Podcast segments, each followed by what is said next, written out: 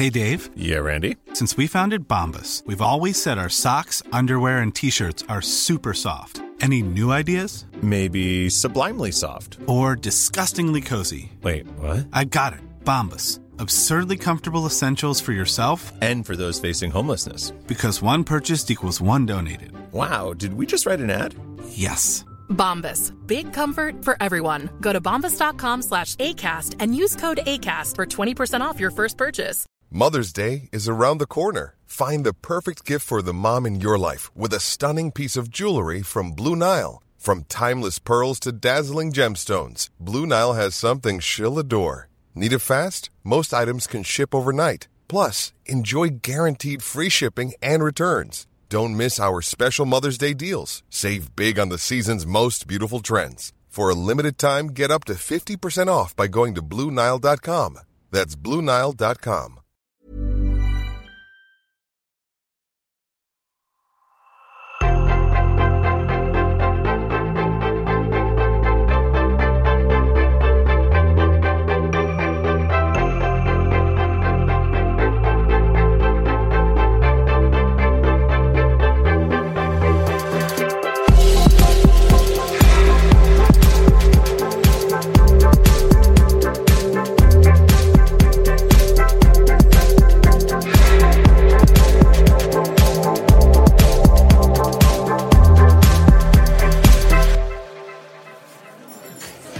Caroline, jag tycker vi börjar bli lite varma i kläderna nu när det gäller att prata om eh, superskills eller superkrafter som jag kallar det för. Idag ska vi prata om öppenhet, men vi kanske ska börja med att, att prata om superskills. Vad är, vad är det för någonting och varifrån kommer begreppet? Ja, begreppet kommer från eh, egentligen det är transformativa förmågor. Ja, förmågor som får oss som individer att växa och utvecklas.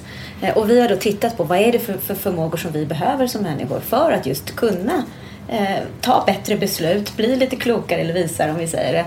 Eh, och också eh, ta ansvar, inte bara för oss själva utan också för, det, för de organisationer och det samhälle vi lever i. Och då finns ju det väldigt många. Och då har vi egentligen grovt bara delat in dem i, kan, tittat på vad är det för grupper, om vi skulle gruppera de här, vad är det för grupper då som, som vi behöver? Och där är jag tror då att öppenhet just är en av de viktiga förmågorna som vi verkligen behöver. Och, och när du säger vi, vilka är vi? Stiftelsen Ekskäret. Just det. Ja. Så, och öppenhet för mig, det är ju verkligen vägen in i att både vilja och kunna vara i en förändring. Eh, och också kunna vara med det som är.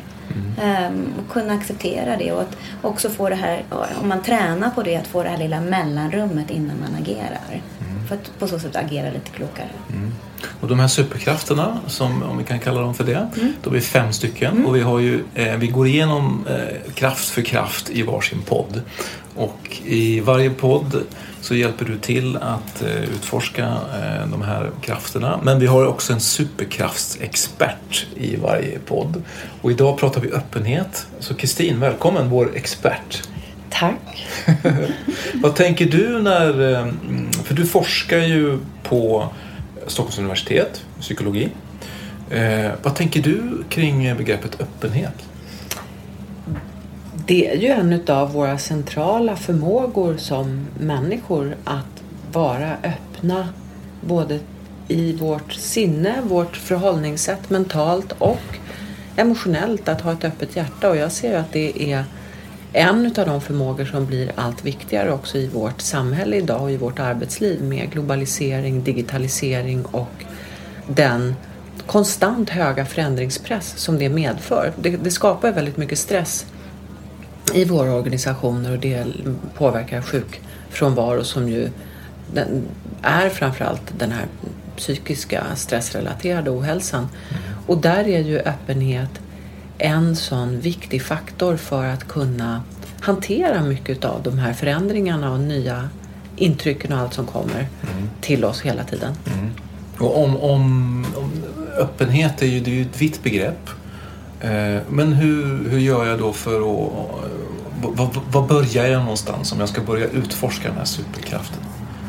Jag skulle vilja säga att öppenhet är viktigt men att det, det betyder inte samma sak som att jag ska ha liksom vidöppet för allt för då kan vi ju drabbas utav så kallad information overload. Ja. Så att vi behöver ju också kunna reglera vår öppenhet och, och Ehm, och där kan jag se att ett, ett sätt att eh, stärka den förmågan är till exempel mindfulness eller meditation, medvetenhetsträning.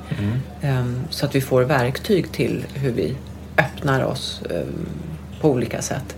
Och hur ska man, ehm, hur ska man förhålla sig till begreppet mindfulness då? För det, det är ju det är ju sån där buzzword, det pratas mycket om det.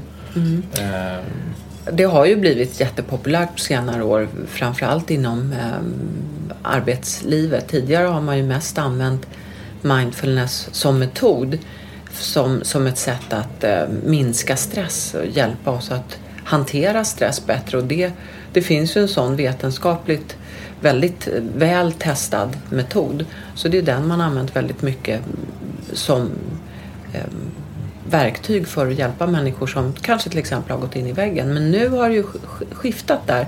Så att nu använder man det ju mer preventivt och då blir det ju ett eh, väldigt effektfullt verktyg visar ju forskningen även bland så att säga friska välfungerande personer i arbetslivet. Så att det, det är någonting som kan hjälpa oss att skapa just det här glappet som Caroline var inne på mellan eh, att gå i en väldigt stark stressreaktion där vi då inte tar särskilt bra beslut för att våra frontallober i hjärnan blir liksom kidnappade när vi går i stress och så får vi tunnelseende och så aktiverar vi det här hotsystemet där vi också tar beslut utifrån rädsla. Så att kan man liksom komma förbi det genom väldigt egentligen enkla tekniker som man då kan lära sig på åtta veckor så visar forskningen, framförallt hjärnforskningen, hur, hur stresssystemet lugnar ner sig och vi då får tillgång till andra eh, förhållningssätt, andra alternativa tolkningar i en utmanande situation. Men också alternativa sätt att hantera situationen på så att det både skapar ökad eller öppnare då tolkningsförmåga men också en ökad repertoar av alternativa handlingsmöjligheter i, i svåra situationer. Så, så öppenhet handlar väldigt mycket om att se till att skapa verktyg som gör att man inte stänger sig. På något sätt att man inte åker in i någon slags, eh, som du var inne på, rädsla eller Ja, jag kan tycka det som, som vårt samhälle ser ut idag och vårt arbetsliv där vi konstant är i väldigt komplexa högstressmiljöer. Och det ställer väldigt höga krav på oss mentalt, psykiskt. Ehm, så vi är ofta i stress. Och det vi behöver är ju att komma i vila och återhämtning. Och att lugna våra stresssystem. Och där kan vi behöva hjälp idag med det. Med allt vi bombarderas med. Där mindfulness-träning är ett sådant effektfullt verktyg. Som hjälper oss att i situationen när den uppstår eh, inte reagera liksom på autopilot utan ta ett steg tillbaka och få ett vidare, det vill säga öppnare perspektiv. Forskningen visar också att vi får ökad kognitiv flexibilitet med eh, mindfulness-träning så att vi fattar bättre beslut, vi fattar bättre strategiska beslut. Eh, vi blir lite smartare helt enkelt. Vi får bättre förmåga till fokus och eh, prioriteringar och så vidare. Så att vi, det, vi blir öppnare mentalt. Men det öppnar ju också, spännande nog, emotionellt. Vi öppnar ju också hjärtat eh, när vi tränar mindfulness. Så att det är mer öppenhet än att vi blir smartare och kan liksom... På, på vilket sätt öppnar det hjärtat menar du? I och med att mindfulnessövningar mycket går ut på att vi, vi går in i oss själva så kommer vi också i kontakt med våra egna behov, våra egna känslor, eh, också våra egna faktiskt värderingar och drivkrafter som ju är allt viktigare idag också som jag ser inför de utmaningar vi står inför och har att hantera eh, som värld och som art. Och där öppnar mindfulness de delarna till oss själva. Vi får tillgång till oss själva så att vi också kan leda oss själva inifrån på, på ett mer stabilt sätt. Vi blir inte lika starkt påverkade utav det som sker yttre utan vi har ett inre ankare. Men då måste vi också öppna upp den kontakten till oss själva i hjärtat. Och det visar forskning också att mindfulness gör att vi kommer mer i kontakt med oss själva, vårt inre, våra värderingar och medkänsla. Caroline, har du mindfulness, tränar du Ja, absolut. Hur tränar du den här superkraften?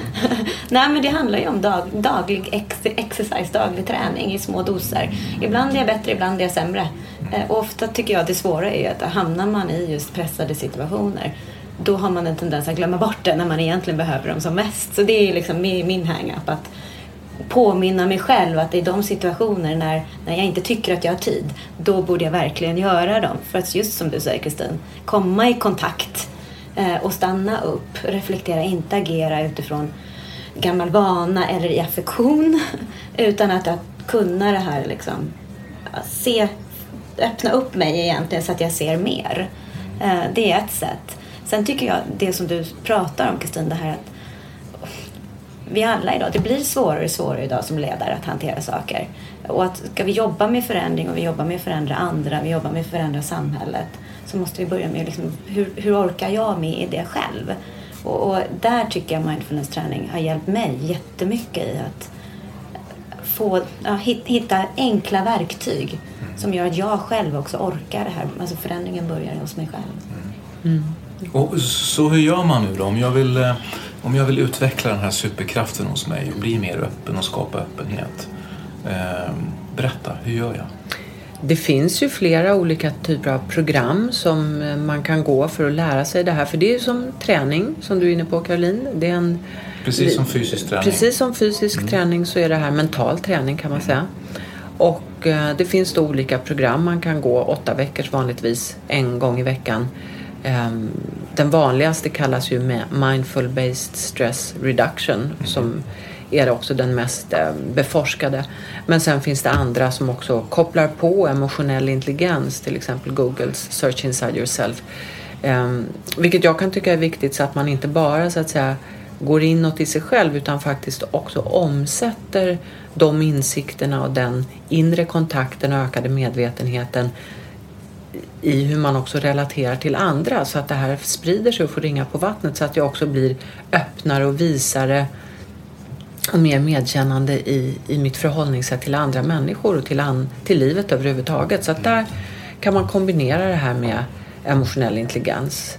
Ehm, Det finns också någonting som heter Mindful Self-Compassion som är också ett sånt här åtta veckors program som man kan gå.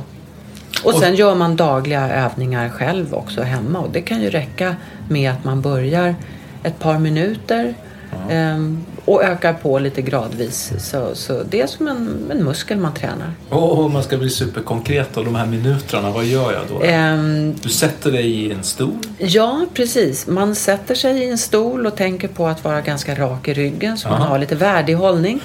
Och båda fötterna på marken stadigt så man inte sitter med benen i kors utan på marken. Man kan lägga händerna i knät eller på benen om man vill och så sluter man ögonen. Och eh, det jag tycker är mest effektivt att börja med det är ju andningsövningar. Andningen är ju vårt ankare i, i kroppen. Det är då vi verkligen känner att vi är här och nu. För det är ju det mindfulness går ut på väldigt mycket. Att vara här och nu istället för där och då. Vilket vi för det mesta tyvärr tenderar att vara. Är man här och nu så är man också väldigt öppen. Nämligen. Ehm, nej, då kan man fokusera på andningen och bara känna hur känns det när jag andas in och ut. Känna luften när den kommer in genom näsan och ner genom svalget och hur lungorna expanderar och sen andas ut. Så att man följer den processen av andningen under ett par minuter. Och det, man kommer tänka på annat. För att vi kan inte inte Så är tänka. hjärnan. Mm. Sån är hjärnan. Vi kan inte inte tänka på något.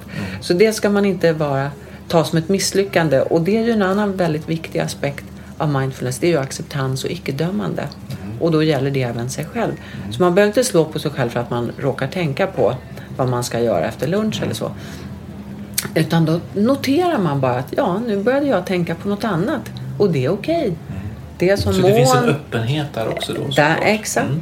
Så den acceptansen och icke-dömandet är ju också en form av öppenhet. Ja. Eh, och så bara för man uppmärksamheten tillbaka till andningen.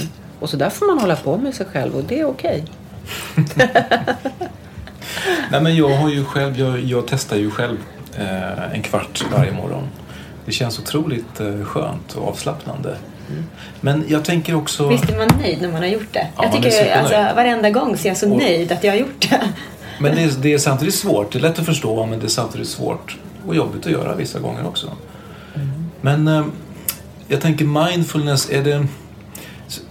Alltså det är ju en sak att sitta på en stol hemma i lugn och ro och sluta ögonen. Men om man ska flytta in det i någon slags vardagsperspektiv när man är på jobbet och i en organisation, i ett företag och man har en chef som man kanske inte riktigt drar jämt med. Hur, hur, hur, hur drar man nytta av den här mindfulnessövningen då?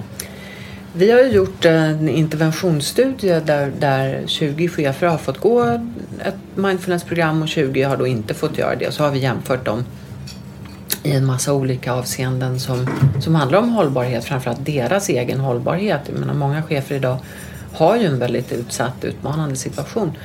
Och där ser vi ju att det har starka effekter på deras hälsa, välbefinnande, återhämtningsförmåga men också deras autentiska ledarskap så att man, man blir, öppnar ju upp och blir mer transparent och ärlig där också. Och det kan ju förstås innebära att man lyfter på locket och det kommer upp jobbiga saker också. Och det är det som kan upplevas kanske i en organisation eller på en arbetsplats om man som ensam individ gör det här. Då, då ser man även det som kanske inte fungerar. Framförallt kommer man mer i kontakt med kanske sina egna värderingar och så som gör att man känner att det här funkar inte. Så man, man blir ju modigare också. Mm. Eh, Men det är bra att göra det i grupp då, så man är några Ja, stycken? Alltså det, det tyder på, vår forskning tyder på att man, man förändras. Det du var inne på Caroline, var de här super skills som faktiskt transformerar oss. Och det här är ju en sån, eh, mindfulness är ju en sån, ett sånt verktyg som faktiskt förändrar oss på djupet. Och Många säger att det kan ju vara svårt liksom att då stanna kvar i någonting som man inte tycker fungerar. Så det vi ser på arbetsplatser är ju att det är ju bra om, om man går det här tillsammans. Inte för att stöpa alla i samma form utan för att faktiskt öppna upp mer för just transparens, öppenhet, äkta kommunikation och eh, förmågan, viljan och modet att förändra det som inte fungerar. Jag tänkte på det Caroline, vad menar vi? För när vi pratar om de här superkrafterna i, i de här poddarna så pratar du om det som ett transformativt lärande. Vad, vad betyder det? Transformativt lärande är är ju ett lärande som kräver du kan inte gå en kurs och lära det här. Jag kan inte gå, jag lä, lära mig det här och läsa det genom en Youtube-film eller... Du kan inte lyssna på en podd. Nej, jag kan inte lyssna på en podd. Nej, utan det handlar ju om det här det extra lärandet som kräver att jag gör det dagligen, att jag tränar på det, att jag faktiskt gör det. Det vill säga, jag kan inte läsa mig till det, utan jag måste göra det. Och jag måste prova det och jag måste testa det igen och igen och igen. Och det man kallar då specifikt med transformativt lärande är att de här typerna av förmågor kräver också att man är i ett tryggt sammanhang. Det vill säga att jag kan inte bli piskad att göra det här utan att jag måste känna mig trygg. För ju tryggare jag är desto öppnare kommer jag att vara, ta till mig det här. Så det är både det och sen det här lagom dos med utmaningar. Så att jag inte tar, jag kan inte, jag kan inte springa ett maraton med en gång. Det går inte. Utan det är ju också det här att du börjar lite. För då håller kroppen. Och det är precis så med de här förmågorna också. Att jag måste börja. Och så måste jag liksom utmana mig själv lite då och då. Inte ta det här jätte... Jag kan inte ta ett jättekliv och tro att jag blir expert på mindfulness. Och sitta liksom tre timmar och tro att jag hamnar i nirvana-tillstånd. Nej, det kommer du inte göra. Utan börja då, som Kristin sa, lite enkelt. Ehm, och, och träna, träna, träna och inte ge upp. Då kommer jag att börja lära mig mer, jag kommer utvecklas. Och jag kanske också blir modig i att våga gå ännu djupare och öppna upp ännu mer för mig själv. Och det. För det handlar ju också om att de här förmågorna, det är inget som vi adderar till. Utan vi alla har ju dem i oss. Så det är do, dolda Det, superkrafter? det är kan man dolda superkrafter och vad vi gör är att hitta kapaciteten inom oss. Jag Hellre skulle jag nästan säga att man har som en rysk docka, att man plockar av och hittar hjälp. Ah, där är min kärna. Härifrån kan jag bygga. Jag vet inte om det här, du håller med Kristin, men så, jag, jag försöker bildligt.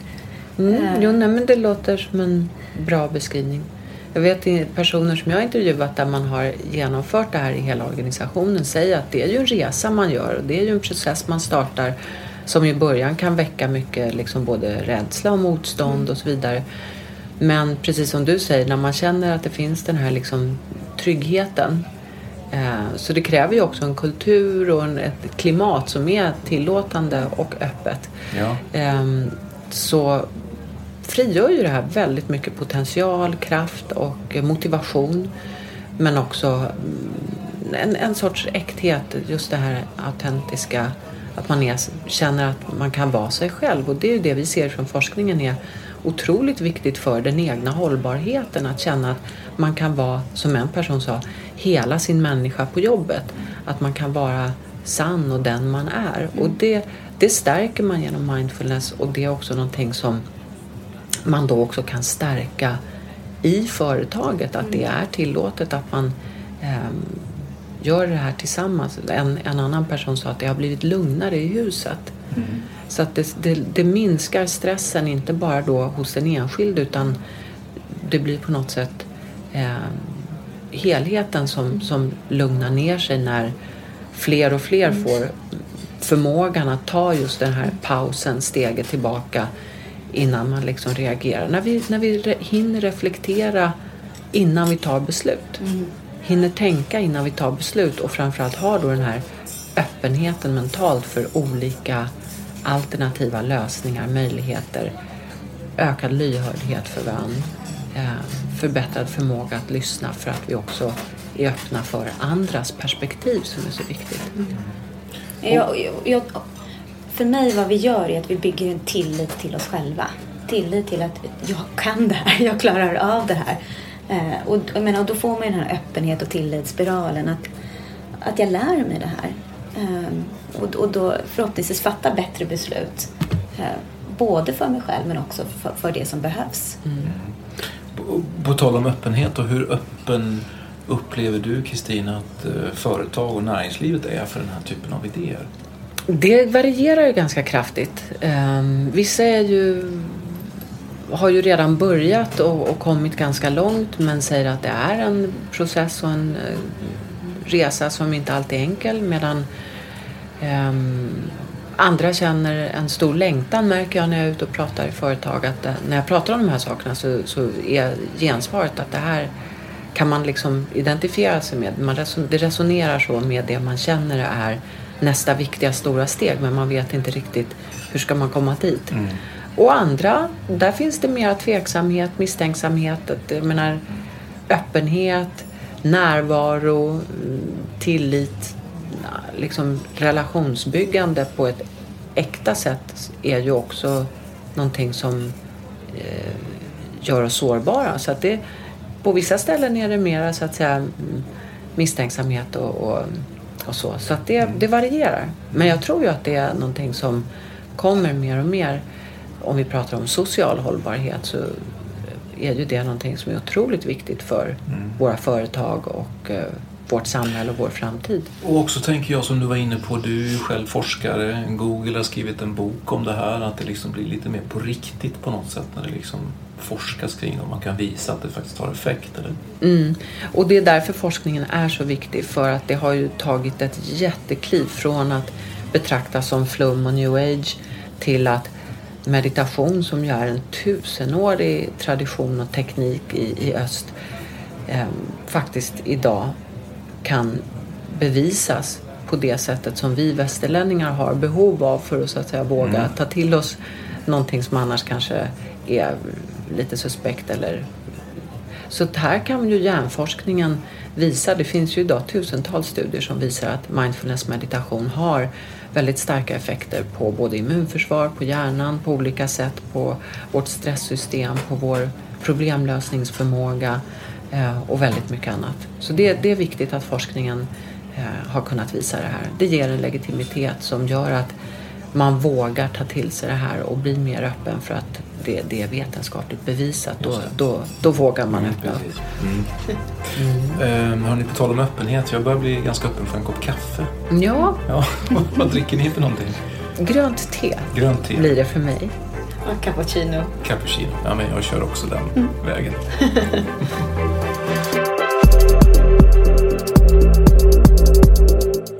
Varje dag äter jag lunch med en spännande person som jag aldrig tidigare har träffat. Jag äter mina luncher på Strand Hotel i Stockholm och de här mötena ger mig en massa inspiration och en massa nya idéer. Det där vill jag dela med mig av och i den här podden så får du möta några av alla de kreatörer som är med och skapar det nya näringslivet. Är du nyfiken på vem jag lunchar med varje dag så följ mig på Ulfs lunch på Instagram. Jag bjuder på lunchen, du på idéerna. Snart kanske vi ses på en lunch.